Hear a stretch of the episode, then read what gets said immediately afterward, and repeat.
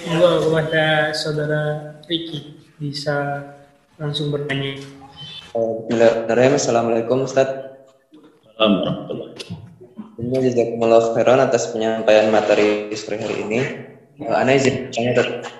Terkadang kita kan udah hendak ingin beramal itu beramal soleh, namun kayak ada waswasnya nggak ikhlas gitu akhirnya mengurung jadi nggak beramal soleh gitu karena takut nggak ikhlas kayak gitu. Itu baiknya gimana ya? Apakah menetapkan dulu biar kita beramal terus nanti niatnya atau mungkin itu saja. Ya. Gimana Mas? Eh, bagaimana beramal soleh yang terkadang dalam hati kita ada bisikan-bisikan was-was jangan-jangan kita melakukan karena ikhlas sehingga membuat kita pun tidak melakukan amal soleh tersebut. Gimana solusinya? Rahimanillah wa iyyakum. Beratnya di maka yang pertama yang harus kita lakukan berdoa kepada Allah agar dibantu untuk istiqomah di dalam mengerjakan kebaikan dan ikhlas dalam mengerjakan kebaikan. Yang kedua, kalau sudah melakukan kebaikan, apa pun bisikan-bisikan yang datang kepada kita untuk menggoda kita, abaikan. Abaikan artinya kalau ada bisikan kamu itu tidak ikhlas, kalau kamu lanjut tidak akan bala syirik karena hanya mengharapkan sanjungan dari manusia, pujian dari manusia, buang. Bismillah, lawan itu bisikan. Dan itulah di antara cara setan di dalam mengganggu manusia memberikan bisikan-bisikan yang lembut yang tanpa disadari oleh kita. Bisikannya lembut yang tidak kita sadari. Kalau setan gagal mengajak kita untuk berbuat kufur, ganti ke bid'ah. Kalau gagal lagi, maka dibuat agar tidak mengerjakan kebaikan. Caranya di antara dengan ditimbulkan bisikan-bisikan kamu tidak ikhlas, kamu salah, kamu belum benar, maka nanti dulu tunggu sepi dan lain sebagainya. Sholat berjamaah, kamu hanya ingin mendapatkan pujian, cukup di rumah saja. Itu bisikan syaitan. Jadi saya katakan pertama berdoa, yang kedua sudah mengerjakan kebaikan, abaikan bisikan-bisikan yang datang kepada kita. Yang ketiga yang harus kita pahami bahwa kalau ada bisikan seperti itu justru kita bersyukur, berarti kita punya kesadaran diri. Kita punya benih-benih kebaikan di situ. Dan yang keempat yang harus kita pahami juga ketika amalan bercampur dengan niat itu banyak hukumnya. Niat dunia. Kalau kita melawan terus insya Allah kita berpahala. Artinya kita lawan. Ada bisikan kita ada bisikan kita terus yang salah itu nanti kalau sampai kita dikalahkan oleh bisikan kita sholat katakanlah untuk dunia dipuji kita lawan datang bisikan untuk mendapatkan pujian kita lawan hilang datang hilang datang tidak mengapa itu sebagai usaha kita. Wallahu taala alam sehingga jangan sampai bisikan yang ada menghalangi kita dari melakukan kebaikan dan ketaatan. Wallahu taala alam bisawab Jazakumullah atas jawabannya Ustaz. Namun bagi teman-teman yang lain ada pertanyaan lagi atau tidak? Ya, cuma ada saya ingin bertanya Tat, gini tentang masalahnya Tat. Nah, saya tuh kan bingung nih kan biasanya tuh saya tuh pengen niat nih. Hanya kayak saya pengen habis subuh itu olahraga terus belajar sekolah yang rajin kan soalnya pengen niat sekali sekolah tapi pada katanya itu besoknya itu ya biasa aja lemes lagi gitu. Nah, ada tips atau enggak itu Tat biar niatnya itu bisa mudah terrealisasikan gitu. Terima kasih. Iya. Bagaimana tip atau cara agar niat atau keinginan kita betul-betul terlaksana sesuai yang kita inginkan tidak hilang lagi muncul hilang. Uh, taala alam yang pertama sama doa kepada Allah Subhanahu wa taala. Itu yang tidak pernah kita lakukan. Berdoa kepada Allah agar dipermudah dalam menjalankan semua kegiatan yang kedua, setelah berdoa, lakukan hal-hal yang jelas-jelas bisa membantu kita untuk istiqomah. Kalau tadi yang ditanyakan berkaitan dengan belajar, maka lakukan hal-hal yang bisa membantu untuk itu. Misalnya, jauhi dari perkara yang memalingkan game atau mungkin video dan lain-lainnya. Kemudian tidur, tidak juga terlalu malam, lebih awal tidur. Kalau belum bisa sholat malam di situ, doa di situ. Kan ya. Kemudian kalau belajar berarti sisihkan waktu untuk membaca kisah para sahabat, para ulama, bagaimana semangat mereka belajar. Kan gitu. Jadi intinya pertama berdoa, yang kedua lakukan usaha yang membantu kita untuk bisa istiqomah. Tergantung perbuatannya apa. Kalau tadi belajar ya tadi baca tentang orang yang belajar. Kalau berkaitan dengan sholat berarti ya bangunnya tidurnya lebih awal, baca tentang sholat.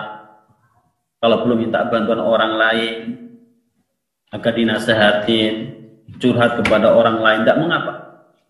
Dan yang terakhir, yang ketiga, serahkan kepada Allah.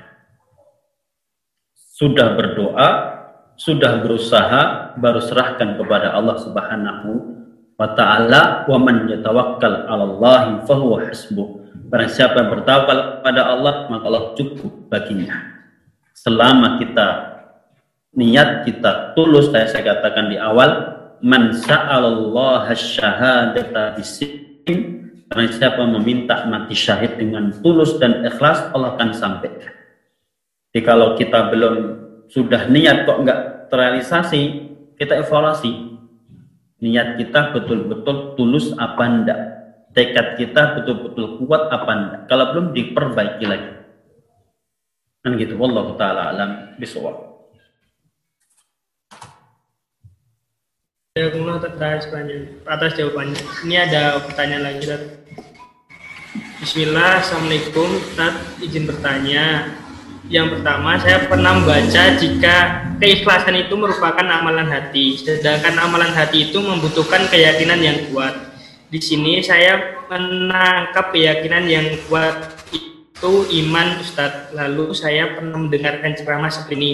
Untuk mencapai keyakinan yang kuat tanpa ragu, maka kuncinya adalah beramal soleh. Salah satunya memberikan sholat. Pertanyaan saya, jika kita dalam melakukan sesuatu sering kali mereka apakah ada yang salah dari amal soleh atau sholat kita. Yang kedua saya yang kedua eh, yang kedua saya pernah membaca bahwa keikhlasan dibagi menjaga kondisi yaitu sebelum beramal saat beramal dan setelah beramal yang ingin saya tanyakan ketika sebelum melakukan amal soleh kita sudah memurnikan niat kita hanya untuk Allah.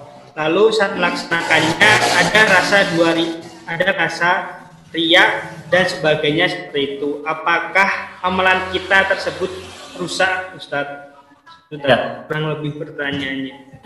Saya jawab yang kedua dulu karena yang pertama tadi belum begitu paham. Kedua saya jawab memang betul ikhlas itu dituntut diminta baik sebelum beramal, setelah beramal maupun eh, saat beramal maupun setelah beramal. Bentuk ikhlas itu adalah bagaimana kita dalam hati kembali mengingatkan diri jangan sampai mengharap punya dari manusia. Adapun saat beramal maka sama berusaha agar jangan sampai terputus contohlah sekolah sebelum kita takbir Allahu Akbar tanamkan ikhlas Ketika sudah takbir Allahu Akbar, sudah takbir Allahu Akbar, maka lihat. Ada kan mungkin ketika sholat yang ikut e, nepuk punggung kita, kita berubah itu. Oh ada yang ikut, saya perpanjang sholat saya. Ini ada orang, jadi lihat ada tiga macam. Kalau sampai dorongan riak itu mengalahkan dari A sampai Z, sholat kita dari takbir sampai salam semuanya untuk manusia maka rusak itu pahala itu total semuanya. Tapi kalau lebih kuat ikhlasnya, katakanlah ikhlas 70 sama 3 maka insya Allah masih sah dan masih berpahala.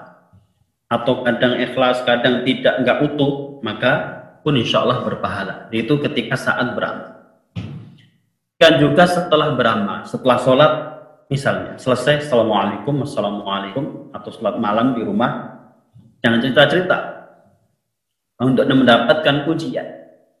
Kalau orang cerita saya tadi malam sholat dalam hati untuk mendapatkan pujian maka berarti dia sudah tidak ikhlas setelah beramal kalau apa hukum sholat malamnya ulama berbeda pendapat ada yang mengatakan tetap karena pas menjalankannya adalah uh, ikhlas. Ada pendapat itu membatalkan sholat malam dia pahalanya. Membatalkan pahala sholat malam dia. Itu berbeda pendapat namun tentunya kita berhati-hati lebih baik. Dan tingkatan riak tadi kalau yang rojeh tergantung tingkatan riaknya kalau mengalahkan semuanya maka hapus semua amalannya kalau tidak mengalahkan tentunya sesuai sejauh mana persaingan, perperangan, perbandingan antara ikhlas dan riya dia. Wallahu taala alam bisawab. Itu berkaitan dengan pertanyaan yang kedua bahwa ikhlas betul sebelum, saat dan setelah. Yang pertama tadi tangkap apa tadi Mas? Ikhlas itu dalam hati untuk bisa ikhlas membutuhkan keyakinan. Gimana tadi Mas? beliau jawab bahwasannya itu keyakinan itu iman. Nah, terus ada ceramah bahasanya Nah, keyakinan itu kuncinya adalah beramal soleh. Salah satunya dengan salat. Nah, pertanyaannya, apakah ketika kita merasa tidak tidak ikhlas, apakah ada yang salah dari sholat kita, gitu kan? Kurang lebih. Ya, apakah kalau kita merasa tidak ikhlas, ada yang salah dari sholat kita? Ya, iman dan amal soleh dua hal yang saling berterkaitan. Artinya iman yang kuat, keyakinan yang tinggi akan melahirkan amal soleh. Demikian juga ketaatan atau ibadah amal soleh yang kita lakukan akan memperkuat iman kita. Iman sendiri melahirkan ketaatan, ketaatan sendiri akan memperkuat iman kita. Saling mempengaruhi antara satu dan yang lainnya. Sehingga kalau kita dapatkan diri kita, sholat kita belum benar atau belum ikhlas, berarti salah pada iman kita belum sempurna, belum betul-betul kuat, belum betul-betul yakin. Gitu. Atau masih terkotori oleh riak dan sebaliknya juga kalau ternyata sholat kita belum ikhlas, fisiknya tidak ikhlas, ya macam-macam. Kadang faktornya iman atau memang sholat kita itu sendiri belum betul, kadang-kadang memang hati kita belum bersih di situ. Saling mempengaruhi. Jadi kalau imannya belum kuat, diri untuk ibadah. Ibadah ini memperkuat iman dengan iman semakin kuat akan melahirkan ibadah yang lain sih. Jadi tidak bisa bisa saling berkaitan iman dan amal soleh. Makanya banyak menyebutkan amanu wa amilus solihat.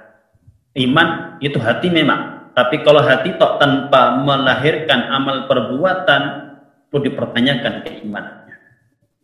Demikian juga kalau dia ibadah banyak ternyata kok nggak memperkuat iman, perlu dipertanyakan ibadah dia. Jangan-jangan belum betul, jangan-jangan banyak kesalahannya di situ. sehingga tidak memperkuat keimanan dia. Allah taala Jazakumullah khairan. Ini ada pertanyaan terakhir atau enggak? Teman-teman yang masih mau bertanya atau mungkin ditutup sesi pertanyaannya. Ini ada pertanyaan terakhir izin bertanya apakah kegiatan-kegiatan yang pada asalnya ubah bisa bernilai pahala jika diniatkan karena Allah? Ya, amalan-amalan itu apakah bisa berpahala karena niat? Kita katakan ya bisa. Tadi saya sampaikan bahwa amalan kecil menjadi besar itu umum. Amal yang mubah bisa berpahala kalau niat kita betul. Sebagai contoh olahraga. Makan, minum, tidur, itu semua perbuatan yang mubah. Kalau kita niatkan untuk menegakkan agama Allah, kita niat lebih baik tenang agar bisa lebih berdakwah, olahraga sehat bisa dakwah, makan biar sholatnya bisa khusyuk misalnya. Maka itu semua akan berpahala insya Allah. Tidur agar bisa bangun pagi nanti untuk sholat malam, sholat subuh, maka berpahala insya Allah. Jadi itulah keutamaan niat mampu merubah melipat gandakan pahala yang wajib kalau kita kerjakan lipat ganda pahalanya dengan niat yang benar. Yang sunnah pun sama kalau kita kerjakan lipat ganda pahalanya. Kemudian yang mubah yang tadinya tidak mendapatkan pahala atau dosa kalau dengan niat yang benar pun bisa mendapatkan pahala. Kemudian yang terakhir yang haram beda kalau yang haram tidak bisa berubah jadi pahala meskipun dengan niat yang benar. Sebagai contoh, mencuri. Mencuri itu perbuatan haram. Maka kalau ada orang mencuri untuk membantu fakir miskin, kita katakan tetap yang namanya mencuri perbuatan haram tidak bisa jadi amal soleh meskipun niatnya soleh. Tapi kalau yang wajib niat yang benar pahala berlipatkan. Sunnah kita kerjakan niat yang benar berlipat ganda. Mubah kita kerjakan dengan niat ibadah pun beribadah, bukan ibadah. Bernilai ibadah, berpahala, bukan berarti menjadi ibadah. Sebagai contoh, tidak bisa kita bilang tidur itu ibadah, tidak bisa. Tapi kalau tidur itu kita niatkan untuk ibadah akan diberi pahala bernilai ibadah. Tapi tidur bukan ibadah.